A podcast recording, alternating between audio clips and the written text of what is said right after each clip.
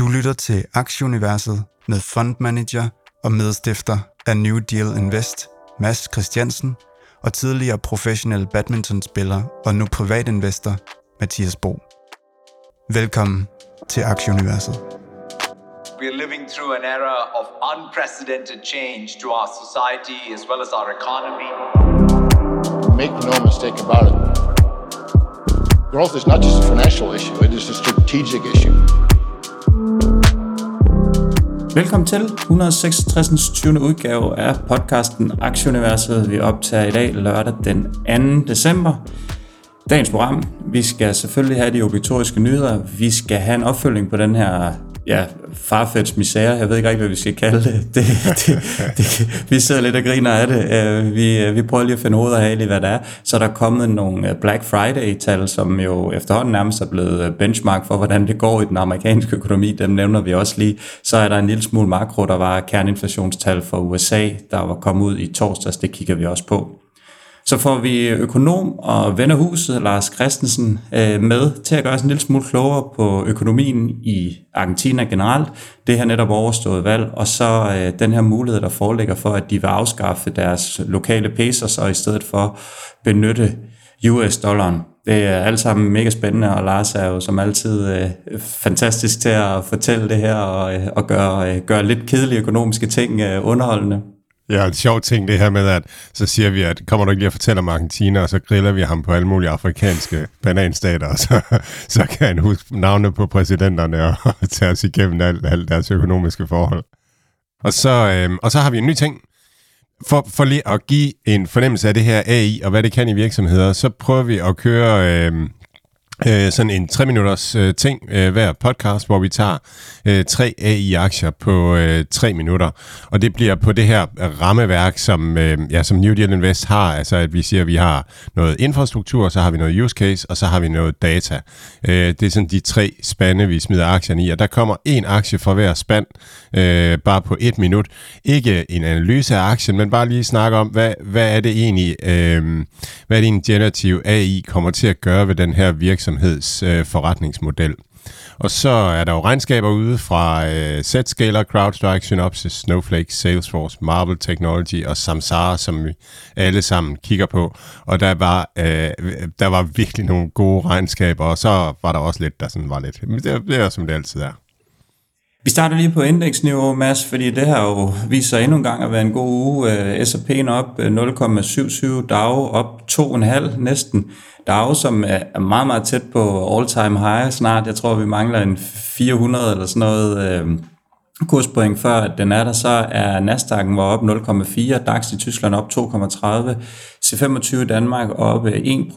Den 10-årige rente i USA er faldet til 4,22 fra 4,48 sidste uge, tror jeg. Olien den er i 74 US dollars. Øh, euro-dollar-krydset næsten uændret i 1,088, øh, og så er Bitcoin i øh, omkring 39.000 lige under, og Ethereum lige under 2100. Øhm, ja, så øh, det var, vi sad lige grinte i dag og, og glade over et lille rally, der kom i går, efter vi, vi startede nede, så fik vi vendt rundt, og specielt i tech og small, der, der kom en, en dejlig stigning, så det var jo en dejlig måde at, at gå til weekend på. Jamen det er nemlig øh, specielt i, i tech og, og, og små, altså sådan i, i segmentet under øh, The Magnificent øh, Seven. Øh, jeg, jeg har sådan gået op og, og sagt rundt omkring, at jeg synes, man skal tale om The Magnificent øh, 25 eller 50, fordi hvis man tager de virksomheder med, der ligger lige under, øh, det er Salesforce, kommer med regnskab nu her, ServiceNow, Broadcom, Palo Alto Networks, mange af de her sådan store, profitable modne, vi snakker om, så, så er det jo sådan nogle klumper, der, der er på en større på 100 milliarder til, til en 200-300 milliarder dollars stykket. Så, så helt, altså helt ligegyldige er de ikke. Det er nogle, det er nogle øh, elefanter, ikke også? Men, men de er ikke så store, de flytter indeks, men, men de kan sørge Jens med at flytte porteføljer. Og det er egentlig alt det modne tech, der bare har kørt godt som toget. Men nu kommer den her bevægelse, altså, og det, det hænger nok sammen med det her med også, at EU øh, inflationen ser ud til at falde mere end ventet, og sådan, at ligesom at der, der begynder at ligge i luften, at der kommer rentefald, øh, og så begynder, tror jeg, at flows begynder at komme imod alt det, vi taler om her, de mindre tech-aktier, og det har vi virkelig kunne, kunne mærke i, i porteføljerne i New Deal Invest i, i den sidste uge, at, at der, der er kæft på, og specielt, specielt øh, krypto er jo totalt Øh, øh, øh, ja, en raket i øjeblikket. Og der var nemlig en, apropos krypto, så var der en nyhed ud om, at øh, øh Coinbases co-founder og director, han hedder Fred Ersam, jeg tror, jeg udtaler det, måske håber jeg udtaler det korrekt. Han har solgt omkring eh, 80.000 aktier i sidste uge, eller eh, samlet 7% af hans eh, samlede shares i firmaet igennem sådan en uh, trust fund, et eller andet living trust, tror jeg, det, det bliver kaldt. Det amerikanske virkelig skal oversætte til dansk. Og det er jo normalt set noget, som burde få krypto til at stige, men faktisk sjovt nok, så steg aktien 6% på det her. Så det er ikke sådan, at uh, markedet regner med, at når man, han, uh, han ved uh, lige præcis, hvad der sker, og det er et tegn på det. Det kan jo også være nogle af de her skattemæssige ting, eller et eller andet andet, som, øh, som, øh, som formentlig gør det, at han har fejlet for det her for lang tid siden, og så, så skal han eksekvere på ordren nu her. Så der er mange ting, der gør det, men, øh, men normalt set er det jo nyheder, som markedet er dårlig måde. Det gjorde det bestemt ikke, og det viser også bare, at, at krypto er et, et godt sted lige pt. med, med de her pæne stigninger, der har været. Ja, jeg, men jeg synes også, man hører, man hører fra mange virksomheder, at at man vil ikke, man vil ikke rejse penge øh, til, til, til de niveauer, øh, aktiekurserne ligger på. Og så tror jeg også, man har haft det i Coinbase, at man har, hvis, hvis man har været en i man har simpelthen ikke ville sælge til 50 dollar, når man føler, at den er et eller andet meget mere værd. Og så, så, er det lidt, så må det være rart at kunne sælge det, man nu har brug for at sælge, som du siger, til skat, eller hvad det nu er til husleje, eller, øh, eller fordi man skal noget andet, og så kunne sælge til, til 120-130 øh, dollars. Og så MicroStrategy, der var også lidt nyt derfra. Ja, ja, de er ude og købe øh, flere bitcoin. De har købt for øh, 593 millioner bitcoin. MicroStrategy er jo den her øh, software øh, virksomhed, som har lavet sig om til en bitcoin holding øh, virksomhed. De driver stadigvæk grundforretningen og tjener penge på den og sådan nogle ting, men, men det primære med aktien, det er, at det er en måde at være lang bitcoin på. De er altså gearet og, og jeg kan huske, da, da bitcoin var i 18.000, der gik alle sådan og snakkede om, hvornår er det, at, øh, at, at bankerne begynder at lave margin calls til, øh, til MicroStrategy. Og, og der var rygter om, at det var ved 11.000 dollars og sådan nogle ting. Og, og, og nu han så, nu, nu rallier bitcoin, og så er han ude og købe op, og det betyder, at han har været ude og låne penge og sådan nogle ting. Og jeg, jeg, jeg er bare ikke øh, vild med det. Altså, øh, det, det er fordi igen, hvis, hvis bitcoin nu igen skal ned og sådan nogle ting, jamen så er så det der, den der grænse for, hvornår han får margin calls, den ligger bare højere oppe. Og det er egentlig fedt, at der er en aktie, man kan købe, og så blive eksponeret for, for bitcoin. Så, øh, og så er der snak om, at han nu nærmer sig 1% af, af alle de ejerskab af 1% af alle de bitcoins, der nogensinde bliver mined. Så, øh, så han begynder at være en, en stor, betydelig spiller i det her netværk. Og der er også lige lidt omkring SoFi og deres bitcoin, eller krypto ja, generelt set. Ja, de stopper med at, at levere krypto øh, til deres øh, kunder, øh, og det, det, er, det er noget, de skal. Øh, de, øh, da, da de fik deres banklicens og lov til at operere som bank, så, øh, så, så var der en betingelse, og det var, at de skulle stoppe med at, øh, at lave krypto-relaterede services, medmindre at de fik lov til det af, af af OCC, som er Office of the Controller of the Currency. Og det er altså dem, der sørger for, at banker de opererer korrekt og, og sådan noget. Så det er endnu et, et, et offentligt organ.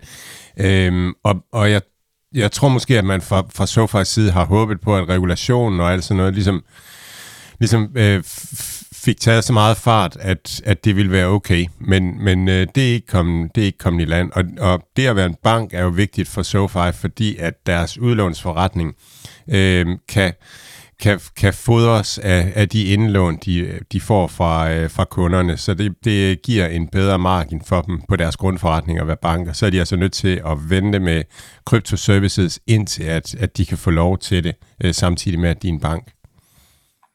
Så var der møde i OPEC plus landene, eller for OPEC plus landene, og der blev kom en aftale i hus om, at de ville skære produktionen med 1 million tønder per dag i 2024 det var egentlig det bullcall, der, man kan sige det på, for olieprisen burde have været til, og det burde have været nok til en pæn stigning, men øh, ja, det var det ikke. Aktien, den, den faldt, øh, cruden faldt omkring 3%. Øh, det positive for Brasilien, det var, at de bliver optaget i OPEC Plus fra starten af næste år, som ja, på baggrund af, så sjovt nok en invitation fra, fra OPEC Plus landene. Så de øh, kommer med i det her selskab. Jeg, jeg har jo tidligere afsløret, at jeg stadigvæk lige holder en lille smule olieaktier, så øh, jeg sad egentlig og tænkte, at det var positivt, at det startede også med at stige olieprisen på det her, og så faldt den lige pludselig 3%, og det var egentlig lidt uh, casen i går også, der var den også pænt op olieprisen, og så lige pludselig så kiggede jeg, så den 2% ned. Så unlucky, he strikes igen, men uh, ja ja, vi, øh, vi sidder her stadigvæk, så, så helt skidt er det, det selvfølgelig ikke. Det er imponerende, at du kan stå op og så faktisk smile hver dag og holde styr på, ja. hvad nummer podcasten er, og ja, men, så, altså, altså, min, selvom du er så uheldig. Ja, min nærmeste er også helt imponeret over, hvor tålmodig jeg er blevet på mine gamle dage. Det, er ikke nu, det er ikke nu, du skal grine, Mads. Lad, lad mig.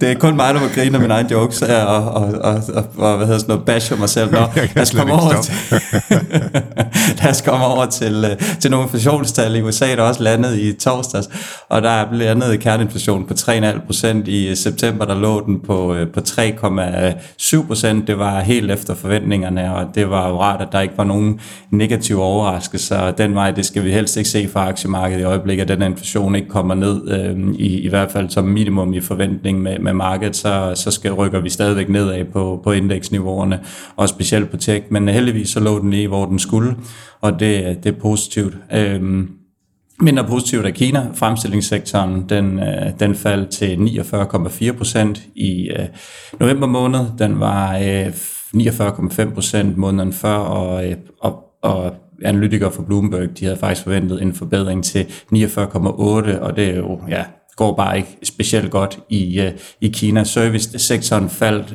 PMI-tallene også til 50,2 fra 50,6 måneden før, og der var forventet en stigning på 50,9 så øh, ja, ikke, ikke positivt tal kommende ud fra Kina, øh, og øh, det, det ligger også og, øh, og siver i øjeblikket. Alibaba har haft det svært efter det her øh, gode regnskab, men, men den her nyhed om, at cloud division ikke blev slået fra, de kan ikke rigtig komme sig over den. De ligger stadigvæk og ruller, ruller rundt over i hjørnet efter den her kæverasser, de har fået, kan ikke rigtig øh, rejse sig. Hvorimod Pengduoduo, de har klaret det helt vildt godt. Øh, 60% lå deres aktiekurs på i, i midten af maj, og nu er den altså oppe på 190. Og det betyder faktisk, at den har overgået øh, Alibaba. Der er ja, så et, et pænt præcis. stykke vej i, i, i markedskabet. Der er så et pænt stykke vej nu op til, til Tencent, som er suveræn Kinas største virksomhed. Jeg tror faktisk, at det er omkring dobbelt så stort som Pengduoduo. Men øh, ja, det var, det var selvfølgelig Pengduoduo, man skulle have haft sit, øh, sit øh, øh e-commerce øh, bet, men øh, ja, det er, det trods alt positivt, at der er nogen, der kan levere i et svært marked stadigvæk.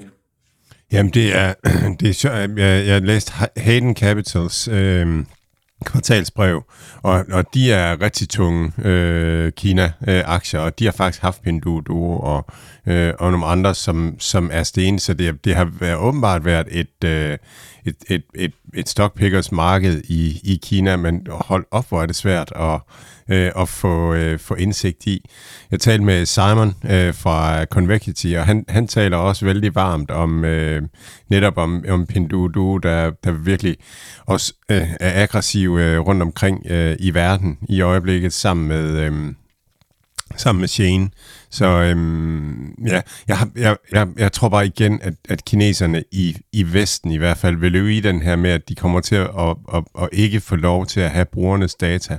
Og det tror jeg simpelthen bliver for stor en, en, en modvind at, at arbejde i. Så øhm, ja, det, det er, jeg synes, der er for meget politisk risiko, apropos øh, det, vi kommer til at tale med Lars om. Ja, det er jo Øh, Tencent i år er 3% nede for foråret, og du er op 80% for året, så, øh, så, så det er, som du siger, virkelig stockpickers marked, og det er godt nok utroligt, at de kan gå mod strømmen og være så dominerende. Det synes jeg, det synes jeg måske lidt fair, eller det er ikke så tit, man ser det i den vestlige verden, at, at der har det der, der følger de normalt set meget godt hinanden, i hvert fald de her lidt større Ja, men og, og nu vi snakker om det, ikke? Altså, det, det har jo, folk har været villige til at sælge Tense, nej, sælge C-Limited ud, øh, og nærmest også Amazon, øh, fordi på den her historie om, at, at Pinduoduo kommer, kommer væltende med, hvad er det, det hedder, er det Timo, eller hvad, jeg kan ikke huske, hvad det hedder, men, men deres, øh, deres øh, e-commerce arm i, øh, i Vesten, og de tager jo markedsandelen, når de kommer. Det er bare svært at se det blive til en, en blivende virksomhed, så, så jeg, jeg er meget lidt bekymret øh, for det i bund og grund, men, øh, men i og med, at, at markedet har haft den tese, jamen, så giver det måske god nok mening, at Pinduoduo er bare er sten. Mads, vi skal, vi skal have nogle delivery-nyheder, dem uh, får du lov at tage dig Yes. Øh, en vigtig dom i, i England. Øh, Englands højeste ret siger, at dem, der arbejder for Deliveroo, øh, at de ikke er ansatte. Uh, because they don't have specified hours, can work for rival companies and can appoint someone to work in their place.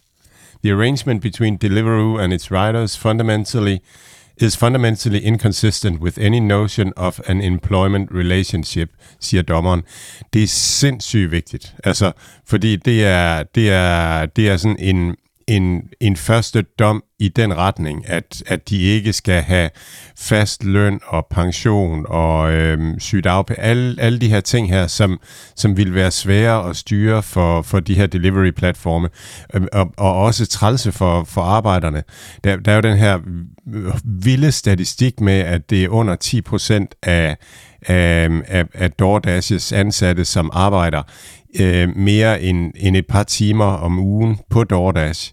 Så det er, det er simpelthen folk, der lige tjener lidt ekstra ud over deres almindelige arbejde ved at, at køre rundt med pakker. Øh, så, så, og det er hele den her nye økonomi, der skal etableres omkring, hvordan, hvordan er det det her med, når folk arbejder flere forskellige steder, har gigarbejde og sådan nogle ting. Og, og min personlige holdning er, at jeg synes, det er enormt vigtigt, at arbejdsmarkedet øh, ligesom får, får en struktur, der kan akkommodere, at folk arbejder på den måde.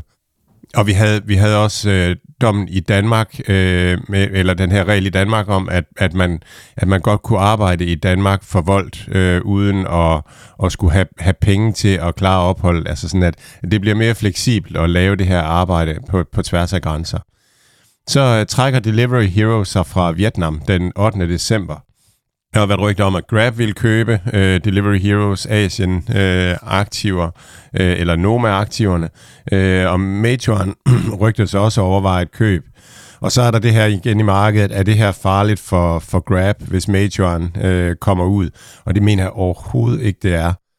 Det, der er pointen, det er, at Delivery Hero, øh, som har en organisation, har, har kørt det her i, i, i, i mange år øh, og har meget erfaring med det i Asien, i Sydøstasien, jamen de har ikke formået at, at kunne konkurrere med Grab i de her lande her. Så Grab har en bedre øh, landedirektør end, end Delivery Hero og har formået at udkonkurrere Delivery Hero, og det ændrer ikke noget, at, at Meituan bliver, bliver ejer af de her aktiver. Og måske er det det, vi ser nu i Vietnam, at, at der er måske ikke rigtig nogen købere til det. Det er simpelthen ikke attraktivt at være anden, tredje, fjerde størst i, øh, i, i et land.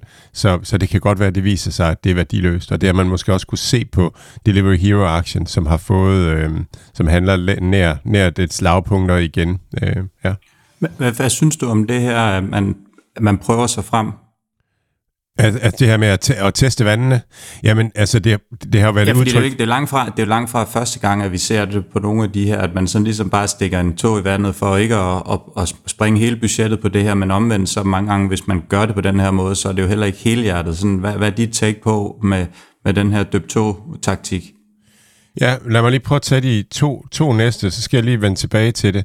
DoorDash, de er ude med nyheder om, at de leverer alkohol nu i New Jersey, og øh, de bliver partner med Best Buy, øh, som er elektronik. Så det vil sige, at DoorDash er i gang med at etablere at deliver everything. Så, så den langsigtede vision for DoorDash, det er jo, at du behøver ikke fysiske butikker mere. Du har bare DoorDash og Amazon Prime og alt sådan noget. Så handler du via din, din, din smartphone, og så får du varerne leveret hjemme hos dig. Og jeg kan godt sige dig, at julehandlen den også foregår på den måde hjemme hos os. Øh, så, så på den måde, så, så tror jeg egentlig, de har set rigtigt. Det er kæmpe kæmpemæssige øh, muligheder, der er for at blive den vinde, en af de to vindende i hvert land. Øh, så jeg tror, det har været rigtigt, altså god return on invested capital, at, at gå efter og, og forsøge at etablere sig i de her lande og forsøge at udkonkurrere de andre. Øh, og, og så har man jo set Uber vinde i nogle lande, øh, DoorDash vinde i, i USA, øh, øh, Just Eat, vinde i nogle lande, og så videre, og så videre, og så videre. Og det, det er sådan, det er blevet. Og, og nu er man bare i den der konsolideringsfase. Nu er det ligesom overstået, og nu skal vi til at tjene penge. Så, øh, så det, det har været rigtigt. Og det har også været rigtigt at sige limited og teste vandene i Polen og finde ud af, okay, det, det kunne vi ikke. Det kunne godt nok være ærgerligt, hvis man kunne vinde hele Østeuropa også, og så, og så ikke ville investere hvad har det kostet en milliard, eller sådan et eller andet. Altså, det vil, det vil have været snot dumt. Øh, så på den måde, så er det jo det, er jo, det, er jo det man kalder innovation, at man lige tester vandene med, med, den, med den billigst mulige øh, ting. Øhm, men det afhænger igen af forretningsmodellen. Hvis man er, hvis man er Amazon, som skal bygge lagerhuse og, og sådan nogle ting, og, og US Postal, der skal have lastbiler og sådan noget, så er det lidt større investeringer. Der skal man være sikker på, at man, man, man ikke tager fejl. Så er Glovo i gang i Kenya øh, med at, at træne partnere. Jeg synes bare, det var, jeg tog det med, fordi nu skal vi snakke, også snakke Afrika med, med, øh, med Lars. Og så kommer Uber i øh, SP øh, 500 øh, øh, fra, her fra december.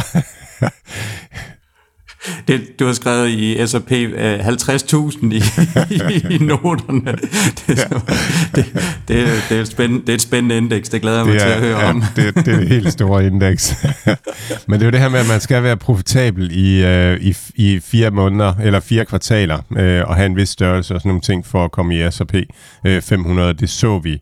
Uh, det så vi jo Palantir komme, og, og nu er det så Uber, og det kommer helt sikkert til at give noget noget inflow i, i Uber fra, fra dem, som har, altså fra indeksfonde og, og, og sådan nogle ting. Så det er en god nyhed kursmæssigt her på den korte bane. Ja, det tror jeg, det er aktien over 5% i fredagens handel på baggrund af det her, og det er jo også det her med, at der kommer flere analytikere ind og dækker aktierne, når den er, er kommet op her. Selvfølgelig er Uber en, en stor og kendt øh, aktie, men, men stadigvæk så er der nogle af øh, de her større banker, som så er tvunget til at, at gå ind og dække dem, og det, det er selvfølgelig rigtig positivt for, for den her aktie de, og så hedder det Boulders First Source, de to vil, øh, vil begge to komme med. Jeg ved ikke, hvad det der øh, øh, build, øh, Builders, undskyld ikke Boulders, Builders First Source, det må være et eller andet, øh, ja, øh, bygnings, øh, et eller andet. Det, det gætter vi på i hvert fald, uden at kloge os for meget på det. Det er Aktieuniversets analyse om Builders, det, er, det, det handler om at bygge. De, de må bygge noget. Om de så bygger platform eller øh, øh, træskuer, det, det ved vi ikke, men øh, ja, nå, nok om det. Lad os komme over til de øh, almindelige øh, nyheder, og øh, vi starter med den her øh, Farfetch-historie. Nogle planer om, at den skulle øh, privatiseres, går i vasken, så falder aktien. Øh, det var sådan, som jeg lige har læst, så var det noget med det her Richmond, eller Richmond, om man vil, øh, skulle øh, det her luxury svejsiske, er det vel, ja, svejsiske selskab skulle ind og måske være interesseret i at købe det og så går det ikke alligevel, og så falder aktien 50% eller noget i den stil. Mads, hvad, hvad, hvad, hvad har du om, om den her øh, aktie? Jamen ingenting. Altså, der, der, der, er ingen, der er ingen, der ved noget. Altså, de, øh, de der op, opkøbsrygter kom tirsdag, og så steg aktien øh, et eller andet 20-25 procent øh, på dem. Og så dagen efter kom virksomheden med en meddelelse om, at, at man ikke ville aflægge Q3-regnskab, og man, alt, hvad man havde givet af guidance øh, tidligere, det skulle man ikke regne med, at, at det galt som guidance nu. Øh, og, så, øh, og så får man ikke mere at vide. Og så faldt aktien 50 procent øh, onsdag øh, på det. Og, og nu, går, nu går alle og venter på, hvad det er, der sker. Det ubehagelige, det er, at, at, øh, at han har 70 procent af stemmerne, deres øh, CEO. Så, øh, så, så han kan i princippet øh, bestemme og gøre, hvad han vil. Øh, og så, og så i, altså sådan i, i den aktionæroverenskomst, jeg har ikke selv kigget i det, men, men det der forlyder, det er, at, at, at vilkårene er relativt, øh, minoritetsbeskyttelsen er relativt dårlig. Så, øh, så på den måde, så, så står man øh, dårligt som, som aktionær. Øh, ja, i, i de her situationer, jeg, jeg sidder bare stille i båden og venter. Altså, det er, det er en, en lille position, og, og det er det, fordi at, at risikoen er høj. Øh, men men øh, i de her positioner, tror, synes jeg samtidig, at der er en tendens til, at frygten, den, den ligesom får overtaget. Øh, så, så nu må vi se, hvad der, hvad der sker. Øh, om, om ikke han alligevel og jeg ved ikke, øh, det der med, hvis man har bygget en kæmpe stor virksomhed, som er et luxury brand, og man så, altså, og man så på et eller andet tidspunkt bare tager røven på, øhm, på alle aktionærer og så videre, altså det, det, det tror jeg bare heller ikke, at, at det er den legacy, man gerne vil have.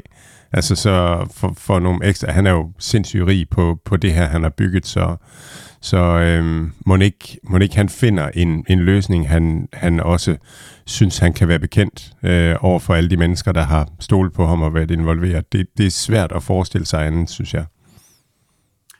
skal vi lige over til, til Tesla, som, øh, som dumper i en sådan fejlprocentsanalyse, test eller undersøgelse i Tyskland, hvor der egentlig kom frem, at der var øh, fejlprocent på 14,3 procent i, øh, i, i Teslaerne. Og så samtidig med det, og det var så i kategorien betydelige eller farlige fejl, og så samtidig øh, kom det så frem, at øh, danske øh, bilermænd, jeg tror det hedder øh, Bilmagasinet, hvad fanden det hedder, de er ude og, øh, og sige, og ham her mesteren, han er ude og sige, at første gang han var ved at give seks stjerner, for han er ved at falde i svime over den her Tesla. Så det, det er lidt sjovt, hvilket nyhedsflow øh, man er. De her tyskere, som måske har en eller anden interesse i at svine Tesla lidt til, øh, på, øh, på, fordi det, det, de, de konkurrerer selvfølgelig med de, med de lokale øh, leverandører af, af biler og så videre, og så en dansk anmelder, som er ved at falde i svime. Så det er sådan, ja, hvor man, øh, hvor man sådan lige kigger hen i forhold til de her Tesla'er, altså de deler stadig vandene. Så øh, så er Tesla på vej ind i Indien. Øh, Tesla skulle være klar med investeringer op mod 2 milliarder US dollars til at bygge øh, fabrikker i Indien, og øh, ja, det er selvfølgelig noget, som, øh, som den indiske regering er meget tilfreds i. Vi har talt en del gange om, at de gerne vil have så meget af produktionen selvfølgelig til at tiltrække i Indien, og, øh, og de også har højere afgifter på de her brands, som, øh, som bliver produceret udefra og bliver solgt i Indien. Øhm, så det er det, vi ser har, har set med Apple og, og mange af de andre, som begynder at lægge deres produktion, og så dermed ikke skal betale samme øh, importafgift på at, at få det ind i landet, så de kan sælge deres, deres biler billigere. Øhm, så det bliver spændende at se, hvornår, øh, hvornår det kommer til at ske, og hvis det kommer til at ske. Men øh, ja, nu øh, er jeg jo meget ofte i Indien, og der er stadigvæk en lille smule vej til, at, at Tesla for 11 år skal kan kunne komme ind, og elbiler generelt set i, øh, i forhold til, øh, til den her strøminfrastruktur, og hvor mange mennesker der er, og hvor mange biler der er på gaderne, de her ting er, der synes jeg sådan lige umiddelbart, uden at være ekspert, at, at øh, ja, det, der, det kan godt være lidt lange, men man skal jo starte et sted, så det er jo selvfølgelig utroligt positivt at, at se, at, at de her biler er, er begyndt, og, og i fremtiden forhåbentlig kommer til at præge bybilledet. Ja, det, det, det, virker, det virker logisk øh, for Indien også, synes jeg. Altså, det er jo, det er jo vestlige, altså en vestlig samarbejdspartner og, og alternativ, alternativ til kinesisk bilindustri. Og, og øh, ja, altså, det er, jo, det er jo en investering til landet og øh, fra, ja, fra Vesten. Det, det virker simpelthen øh, som en, en win-win både for, for Tesla og Indien øh, at, at gøre det her. Så, så må ikke, at, og vi ser vi, vi, altså vi ser jo også uh, Apple øh, øh, få bedre og bedre relationer til, til Indien og bruge Indien som produktionsland, så ja, det, det, det giver mening. Så øh, kom Cybertrucken ind i den her uge, 61.000 ja. US dollars starter den ved, øh, og så, ja, for lige at låne af, så taber Elon Musk også sutten til en, øh, en, et øh, event, hvor han sidder og, og siger go F yourself til tidligere annoncører på, øh, på Twitter, nu X. Altså, jeg var sådan lidt, jeg, jeg sidder selvfølgelig, må han sige, hvad han vil, men, men det er sådan, altså man har en eller anden form for rollemodel, når man er verdens rigeste mænd, så bliver man altså nødt til at, at prøve sådan lige at styre sig selv, og han sad også lige og, og, og sagde efter det, go F yourself, og, og så siger han hype op, som selvfølgelig er så en, en, en skjult besked til, til Disneys til uh, CEO, så, ja, som sidder, altså hold nu lige sutten, uh, han sidder der, han, han sidder og, og ser lidt mærkeligt ud, synes jeg godt nok. Uh, det, det, det, det, det er ikke så rart at se på, sådan lige umiddelbart. Jeg ønsker mig bogen i julegave. Jeg, jeg regner Ej, ja, med, at, at, at, at altså, den, den er ham den amerikanske øh, forfatter. Ja, ja, ja, ja, ja, ja, Ej, ja, ja, jeg har, han, han, han, er, han er smidt gammelkrone af mig, det, det må jeg altså sige.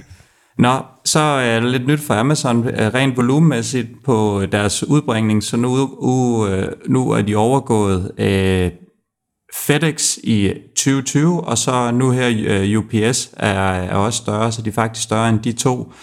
US Postal i USA er stadigvæk den største. De, øh, de leverer en del af pakkerne, men øh, ja, de har bygget det her øh, logistiknetværk, som vi har talt om mange gange, og det er altså bevist nu, at ja, lige ud over det her US Postal, så er de største i USA det her, det ja, som du også nævnte før, det bliver nok ikke mindre i fremtiden, at alt shopping kommer til at blive samlet der, det er super brugervenligt, de har algoritmer til at vide, hvad, hvad du købte sidste uge og forrige uge, og for to måneder siden, og hvornår du skal bruge det igen, og alt det her, det, det virker bare som om, man siger godt fat i, i hestehalen på, øh, på forbrugerne, så øh, ja, det er, det er stærkt. Det viser sig, at den her strategi, de har fået implementeret fra, fra de var en lille boghandel på, øh, på et eller andet tidspunkt i, i 2000 eller i midten af nullerne, det er blevet til en, en gigant øh, virksomhed, som, øh, som bare suser derud af. Flot klaret.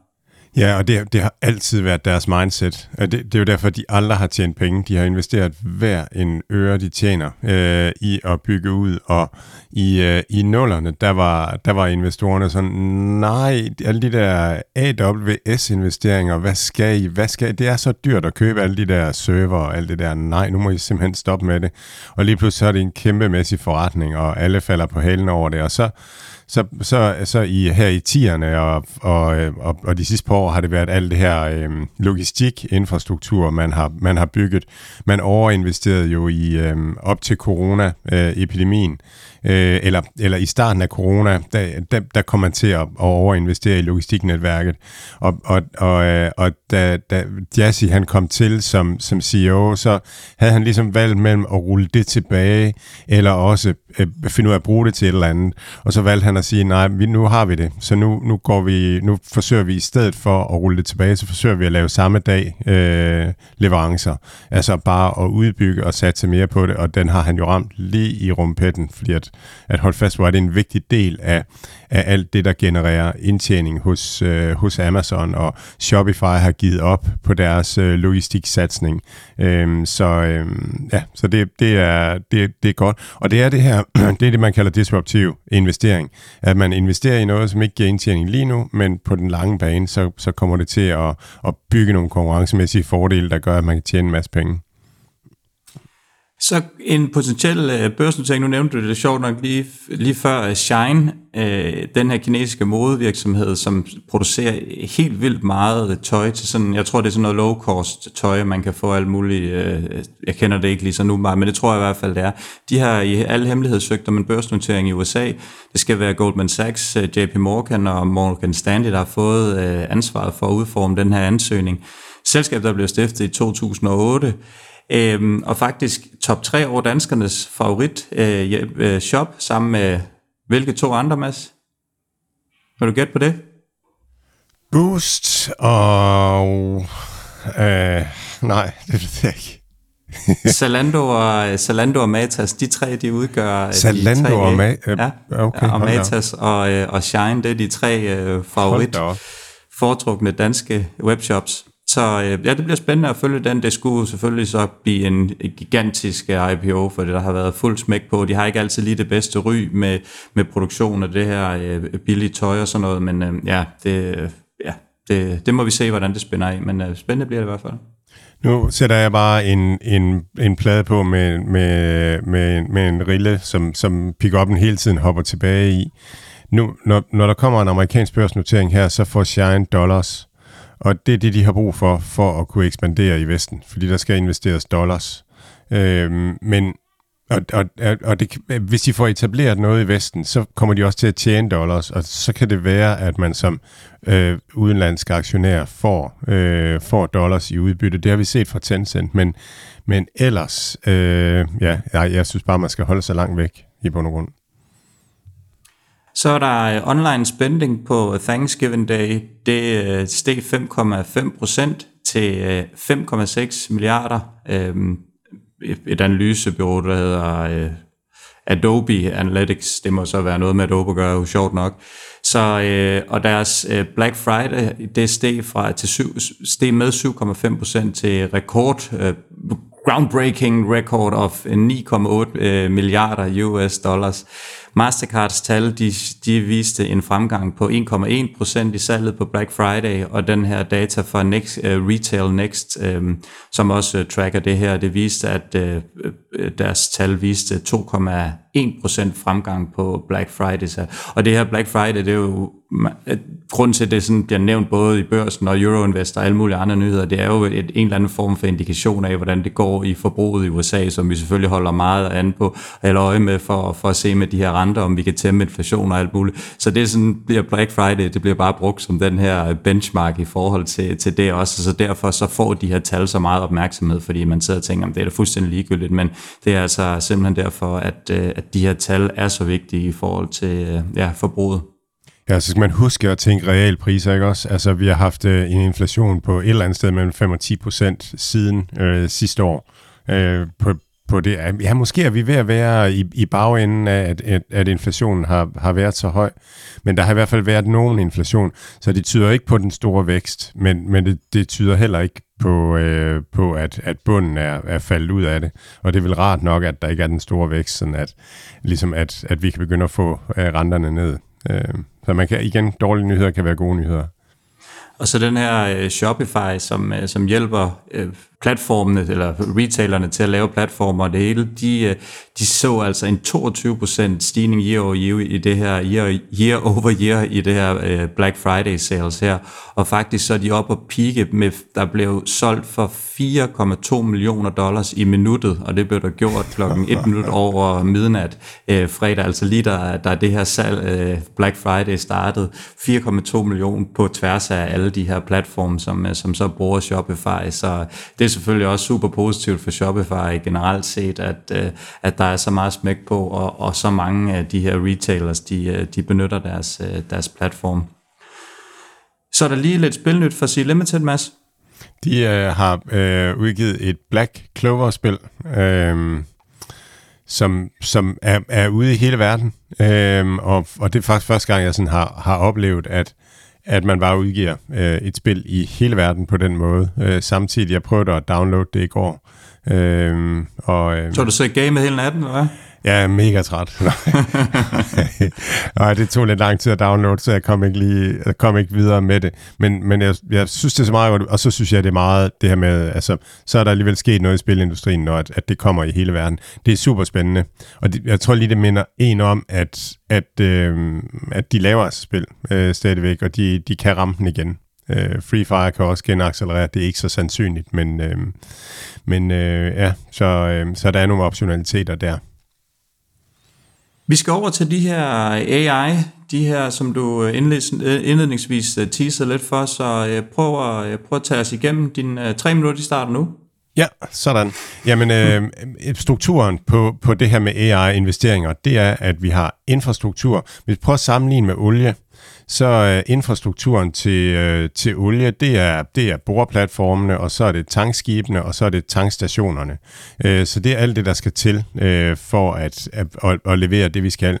Så er der use cases, det er det, man kan bruge olie til, eller, eller øh, bruge AI til. Og inden for olie, så er det, at man kan køre bilerne, det er, at plæneklipperen kan køre, det er også, at man kan lave plastik, og at man kan lave petroleum, og, og, og sådan nogle ting. Og så, øh, så er der data. Øh, og data er bare et, et strategisk aktiv, så data det er, øh, det, det er virksomheder, som har mulighed for at høste data. Og hvis man sammenligner med olie, så er det lande, der har olie i øh, undergrunden øh, på en eller anden måde. Det, det bliver en, en, en vigtig ting. Og der, de, de virksomheder, der virkelig høster meget data, man kan næsten forestille sig, at de laver et OPEC, eller altså sådan, de får bare magt øh, fremadrettet. Øh, så har jeg bare valgt øh, tre aktier, som øh, som, som vi kommer til at tale om i dag, hvor, som er regnskabsaktuelle. Og øh, hvis vi tager infrastruktur, så er, øh, så er Snowflake øh, regnskabsaktuel. Frank Sluthman, han siger, There is no AI strategy without a data strategy. Så man skal have dataen liggende et eller andet sted, hvor at, at den kan bruges øh, og tilgås øh, til, til AI. Øh, og, og der er Snowflake sådan en, en platform, hvor dataen øh, ligger. Så det var en, det var en infrastrukturaktie. Så går vi til en øh, use case øh, aktie, som, som er, hvad de kan bruges til. Øh, og der er, der er Synopsis et, et rigtig godt eksempel. Synopsys er en, en virksomhed, som laver electronic design automation.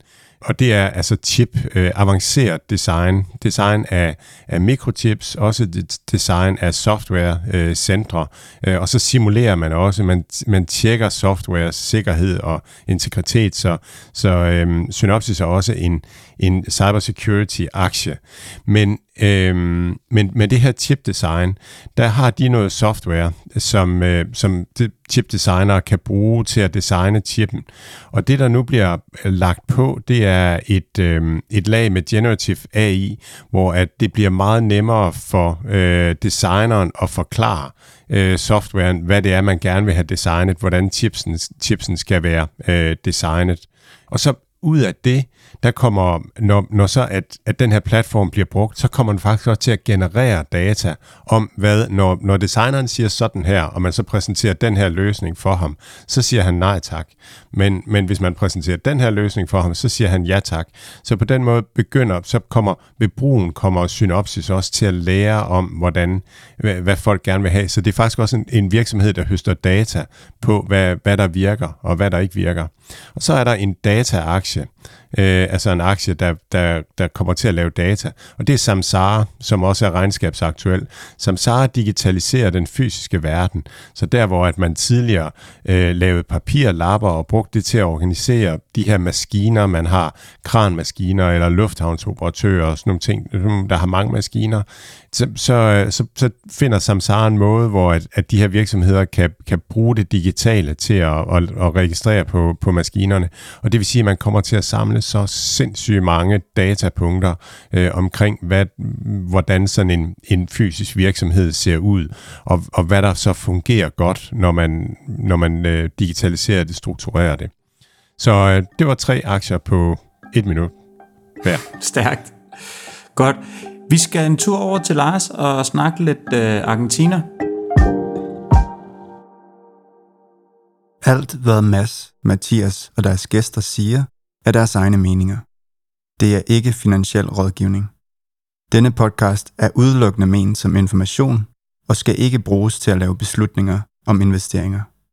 Mads, Mathias og kunder i New Deal Invest kan have positioner i de virksomheder, der tales om i podcasten.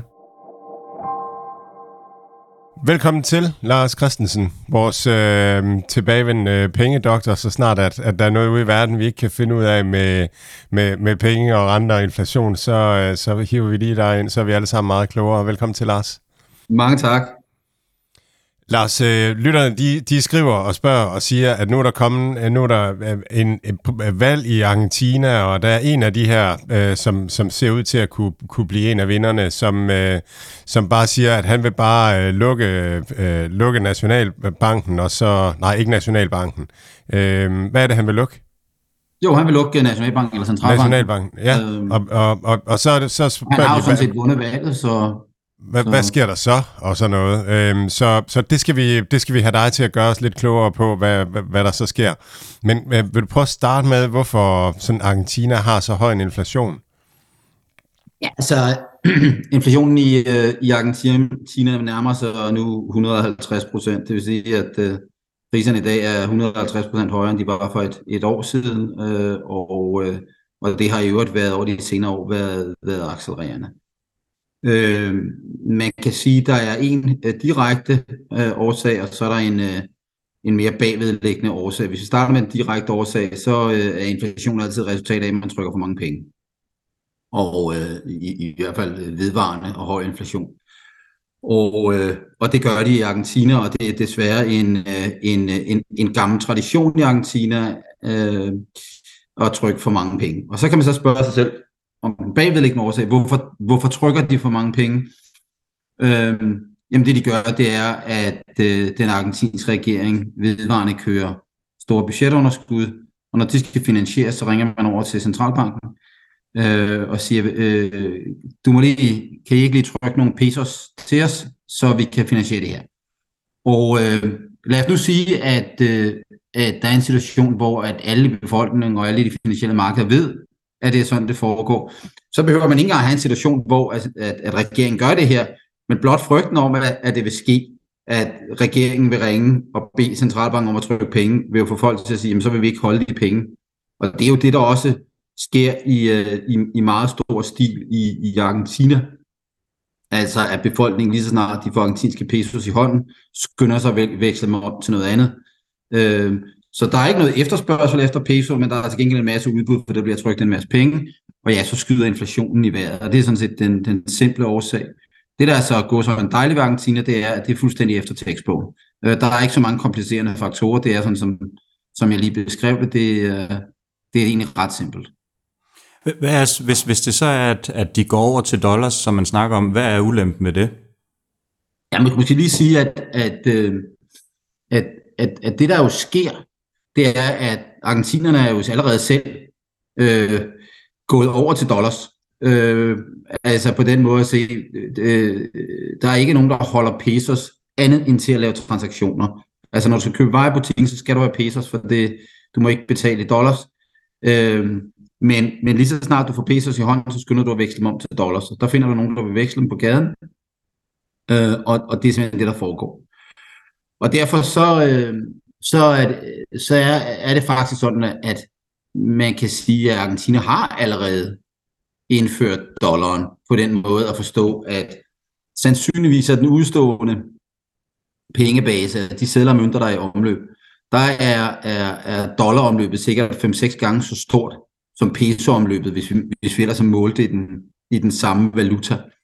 Øh, og, og, og, og det fortæller jo, at dollaren er jo, den argentinske befolkning har allerede opgivet pesoen, øh, og det som øh, den netop valgte præsident øh, Javier øh, Milei har sagt, det er, vi ønsker at komme af med inflationen, og vi ønsker at stoppe øh, kongre- eller, hvad hedder det, de to kammer i kongressen fra at, øh, at, kunne, at kunne finansiere deres underskud ved at trykke penge, så vi vil af med, med, øh, med centralbanken og, og gøre det, man siger, dollarisere. Altså at gøre det officielt, at i Argentina, der er det dollaren, der er den officielle valuta. Han taler faktisk ikke nødvendigvis om, at det skal være dollaren. Han siger, der skal være valgfrihed til øh, befolkningen, der sådan set har lov at, at betale deres regninger og alt muligt andet i den valuta, som de nu måtte øh, øh, vælge. Nu har Argentina jo så altså i stor stil valgt at bruge dollaren, øh, øh og, og dollaren er altså som sagt i øh, cirkulerer øh, i, i høj grad i den, i den argentinske økonomi. Det her er noget, vi har set før. Øh, vi havde en situation i, øh, i Zimbabwe i midt-nullerne og frem mod 2008, øh, hvor, at den, øh, hvor inflationen skød meget kraftigt i vejret, hvor vi havde markant højere inflation, end, end vi har i Argentina. Der havde vi millionvis af procents inflation i, i Zimbabwe. Øh, men årsagerne var nogenlunde de samme. En regering, der øh, lå centralbanken finansiere regningerne, øh, og så øh, stak inflationen helt af. Og, og øh, i Zimbabwe, der skete det samme. Befolkningen dollariserede. De gik bare over til dollaren, øh, og dollaren cirkulerede så. Øh, og så tog man faktisk i, øh, i Zimbabwe konsekvensen, så, sagde, så afskaffer vi Zimbabwe-dollaren, den lokale valuta, og så, øh, så, så lader vi, altså, gør vi det officielt. Og man kan sige, det er sådan set det samme, som Javier, øh, Javier øh, Milei siger, det er, jamen lad os, lad os få afskaffet centralbanken. Øh, det der er udfordring er selvfølgelig, hvordan gør man det i praksis? Altså, øh, øh, ja, det er sådan set, det går sådan meget simpelt, ikke? Det er bare at lukke banken, ikke? Så, så er der ikke flere dollars, men, eller peso. Øh, men men, men hvis, hvis man skal have et banksystem til at fungere, øh, og man, man skal betale offentlige udgifter og alt muligt andet, hvad er det så? Hvem holder de dollars, der er i cirkulation i dag? Fordi hvis man kigger bare på, hvis man nu sagde, jamen nu skal hele den udstående pengemængde omveksles fra pesos til dollars, så skal man jo have nogle dollars, man kan omveksle det til. Man skal have en valutareserve. Og den argentinske centralbank har ikke nogen nævneværdig valutareserve. Øh, så så det, det er lidt paradoxalt. Det er en økonomi, der er dollariseret, der er masser af dollar i økonomien, men hvis man kigger på den officielle statistik, så er der ingen dollar. Der er ingen dollar nede i centralbankens øh, kælder, øh, som de kan omveksle øh, pesosene til. Så skal ikke gå ud og købe alle pesosene, og så, altså, hvis vi, hvis vi gøre tilsvarende træk i Danmark, jamen, så er det sådan, at, at den danske centralbank har så stor en valutareserve, at vi i høj grad nærmest fra dag til dag kunne omveksle den udstående sædler og mønter, dem kunne Nationalbank bare købe for de euros og dollars, der ligger i valutareserven. Det har man ikke i Argentina. Og, og hvad gør man så? Ja, og, det, og det, så bliver det jo så lidt mere kompliceret. Man kan jo sige, jamen det er jo allerede sket, fordi dollarsne er der jo. Øh, og, og, øh, og, og, og, og, og det som...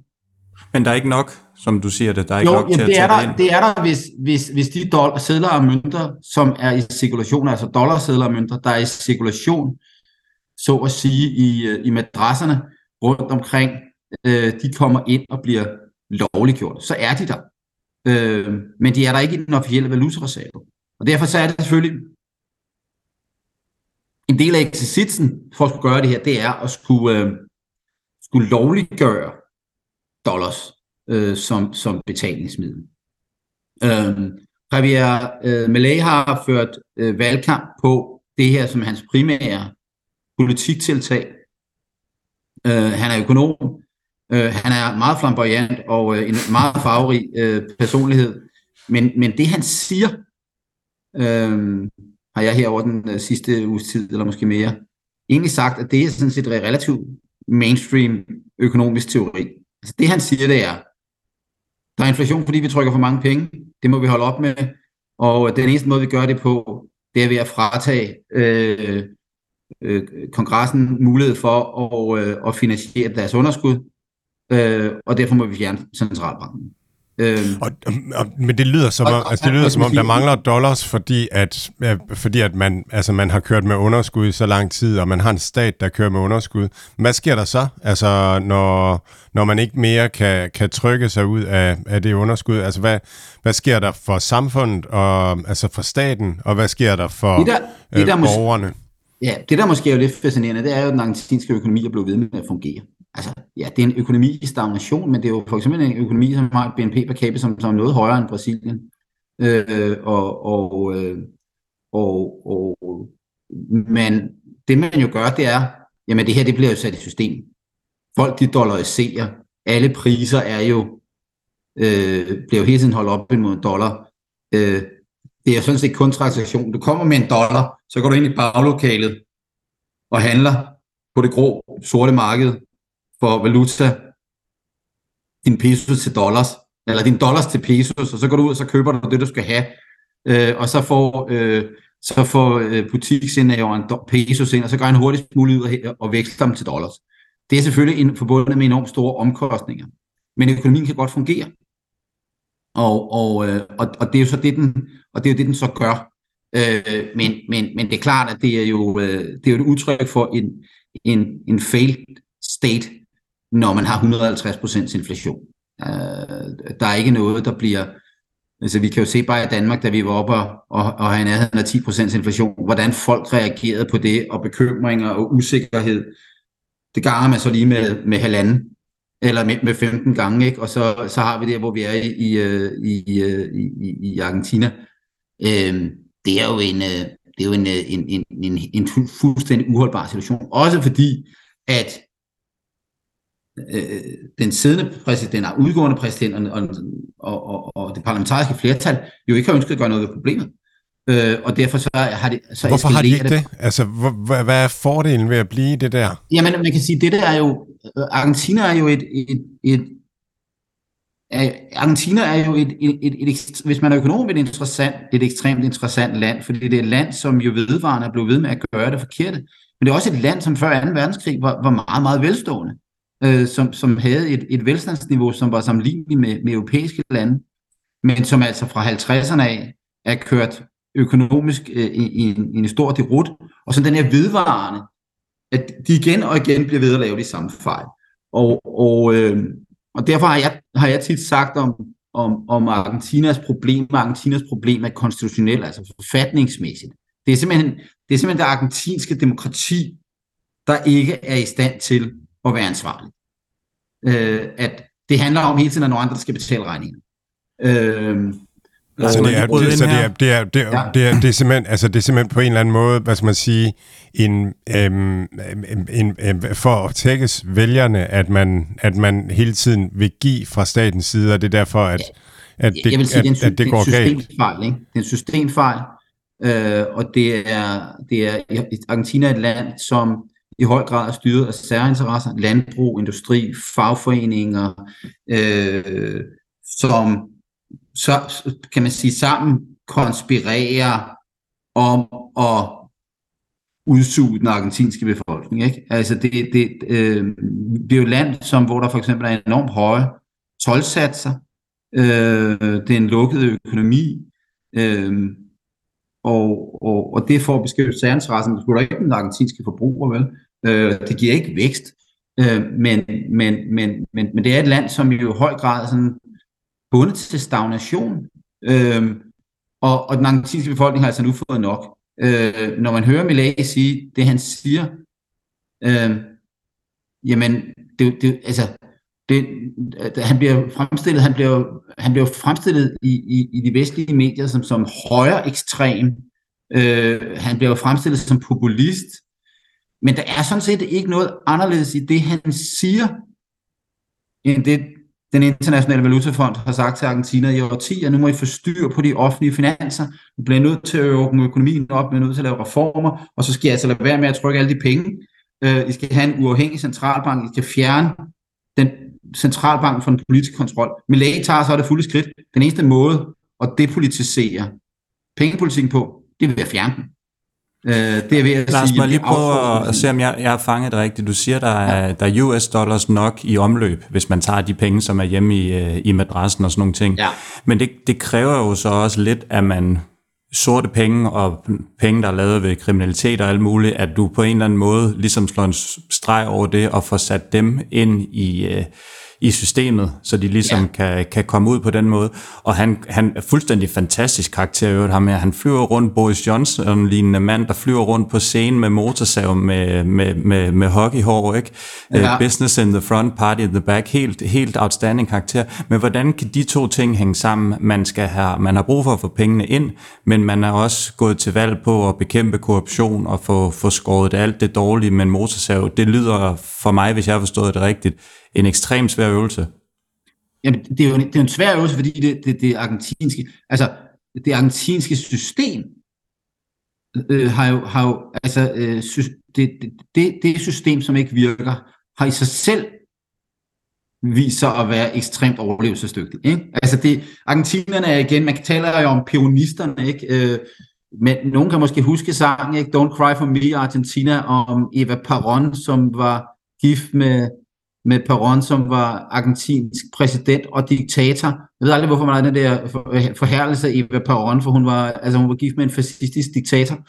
Øh, øh, og, og, og, og peronistbevægelsen, som jo så er født ud af det, som har været dominerende kraft i, i, øh, i, i argentinsk politik i, i mere end halvt århundrede, er en bevægelse, som, altså som der var en, der beskrev det, ikke? det er Trump, øh, øh, de mest øh, ekstreme elementer af Trump tilsat øh, den yderste venstrefløj og det demokratiske parti i USA. Altså det er nationalisme kombineret med, øh, med socialisme.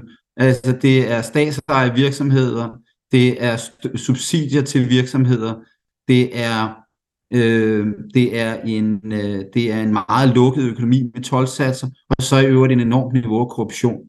Og, og et, et system, som man jo altså har fået været i stand til at bilde den argentinske befolkning ind, var til for at beskytte dem.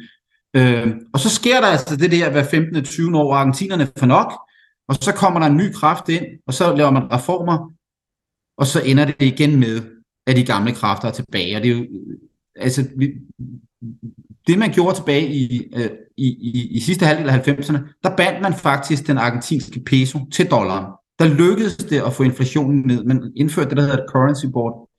Så dollaren var bundet, eller pesoen var bundet en til en til dollaren. Og man kunne altid gå ned og veksle dollars direkte i centralbanken, en til en til pesos, eller til dollars. Øhm, så der havde man basalt set dollariseret, men pesoen var stadig i omløb, men der var en 100% opbakning. Øhm, men, men i løbet af 90'erne forværres de offentlige finanser i Argentina, og der opstår en frygt for, at man vil opgive det her system. Og derfor begynder argentinerne så at veksle alle deres pesos til dollars. Og, og det suger så penge ud af systemet, og økonomien kollapser, man ender med øh, i begyndelsen af nullerne så at opgive det her. Og siden der har vi så slået med, at inflationen har været høj i forskellige perioder. Øh, og, og, øh, og, og, øh, og, og, og, og, man sige, det lykkedes ikke dengang, og det som Javier Millet har sagt, det, har sagt, det er ikke nok bare at have en uafhængig centralbank, det er ikke nok bare at binde doll- pesoen til dollaren, for selv det kan de ikke finde ud af. Selv det splitter de fra hinanden. Vi bliver simpelthen nødt til at fjerne pesoen som mulighed. Og jeg må sige, jeg, jeg, er, jeg er personligt meget stor tilhænger af, at øh, landet har selvstændige valutaer. Det er meget, øh, meget, meget fornuftigt, når der, når der kommer eksterne choks til økonomien, at valutakursen kan tilpasse sig, Øh, jeg er ikke nogen stor tilhænger af, men man binder valutaerne som, som faste valutaer. Men der er et trade-off. Hvis den centralbank, man har, og det regering, man har, er så inkompetent, at den konsekvent leverer 100-150% inflation, så, øh, så synes et hver alternativ jo bedre. Det er sjovt. Det, det minder, det, jeg sidder og tænker på Mastercards forretningsmodel her. Altså det her med, at, at forbrugerne de får, øh, de får øh, 2% cashback, så tager man 3% fra, øh, fra de forretningsdrivende og ligesom ødelægger fri konkurrence på den måde. Men folk, folk tager jo det, man, man gerne vil have umiddelbart, og det virker som om, at, ligesom, at man bliver lukket ind i at holde fast i noget dårligt. Det lyder virkelig som, som demokratiets sådan hæl, at, at det er sindssygt svært, øh, og øh, at, at hvis alle tror, at, at man får det, man har brug for, men i virkeligheden, så, øh, altså, så, så, bliver man, så bliver man snydt i, i sidste ende, fordi at hele problemet er for stort til at, at, at forstå. Men hvordan øhm, øhm, øhm, regionen dernede, hvordan er den? Altså det, på den øh, økonomiske stabilitet, er det kun Argentina? Der er også mange, der har investeringer i Brasilien og i Mexico og, øh, og sådan noget. Altså der er jo, hvis vi kigger, øh, hvis vi kigger på både Mellemamerika og Sydamerika, øh, så er der jo et højere grad af politisk ustabilitet. Øh, men, men, men, men det vil det vil være forkert bare at smaske alle landene sammen i en. Øh, der, der er lande, som er velfungerende og har været velfungerende i, i mange år. Chile er naboland til Brasilien et, øh, en, en, en velfungerende økonomi, øh, og har været det øh, i, i årtier. Øh, Argentina, Chile havde jo øh, militærdiktatur, øh, Augusto Pinochet i mange år, men, men, øh, men, men, men, men det var også, det militærdiktatur blev der også indledt økonomiske reformer, øh, som blev fortsat efter diktaturets fald, og Øh, Chile har været et, øh, et stabilt demokrati siden 90'erne, og et demokrati, hvor højre og venstre skiftes til at have magten, men ansvarligheden beholdes. Altså, og det, og det, det øh, så, så man kan sige, at Chile er et land, som på den måde har nogle nordiske eller skandinaviske egenskaber, om det der med, jamen altså, det kan godt være, at vi vil bruge lidt flere penge på det, eller lidt mindre penge på det, eller sætte skatten op, eller sætte skatten ned, men der er ligesom en forståelse af, at, at pengene skal passe, øh, og, og øh, altså, vi har lige fået en, en finanslov i, øh, i, i, for næste år i Danmark, hvor samtlige partier i Folketinget med undtagelse af enhedslisten er med i den aftale.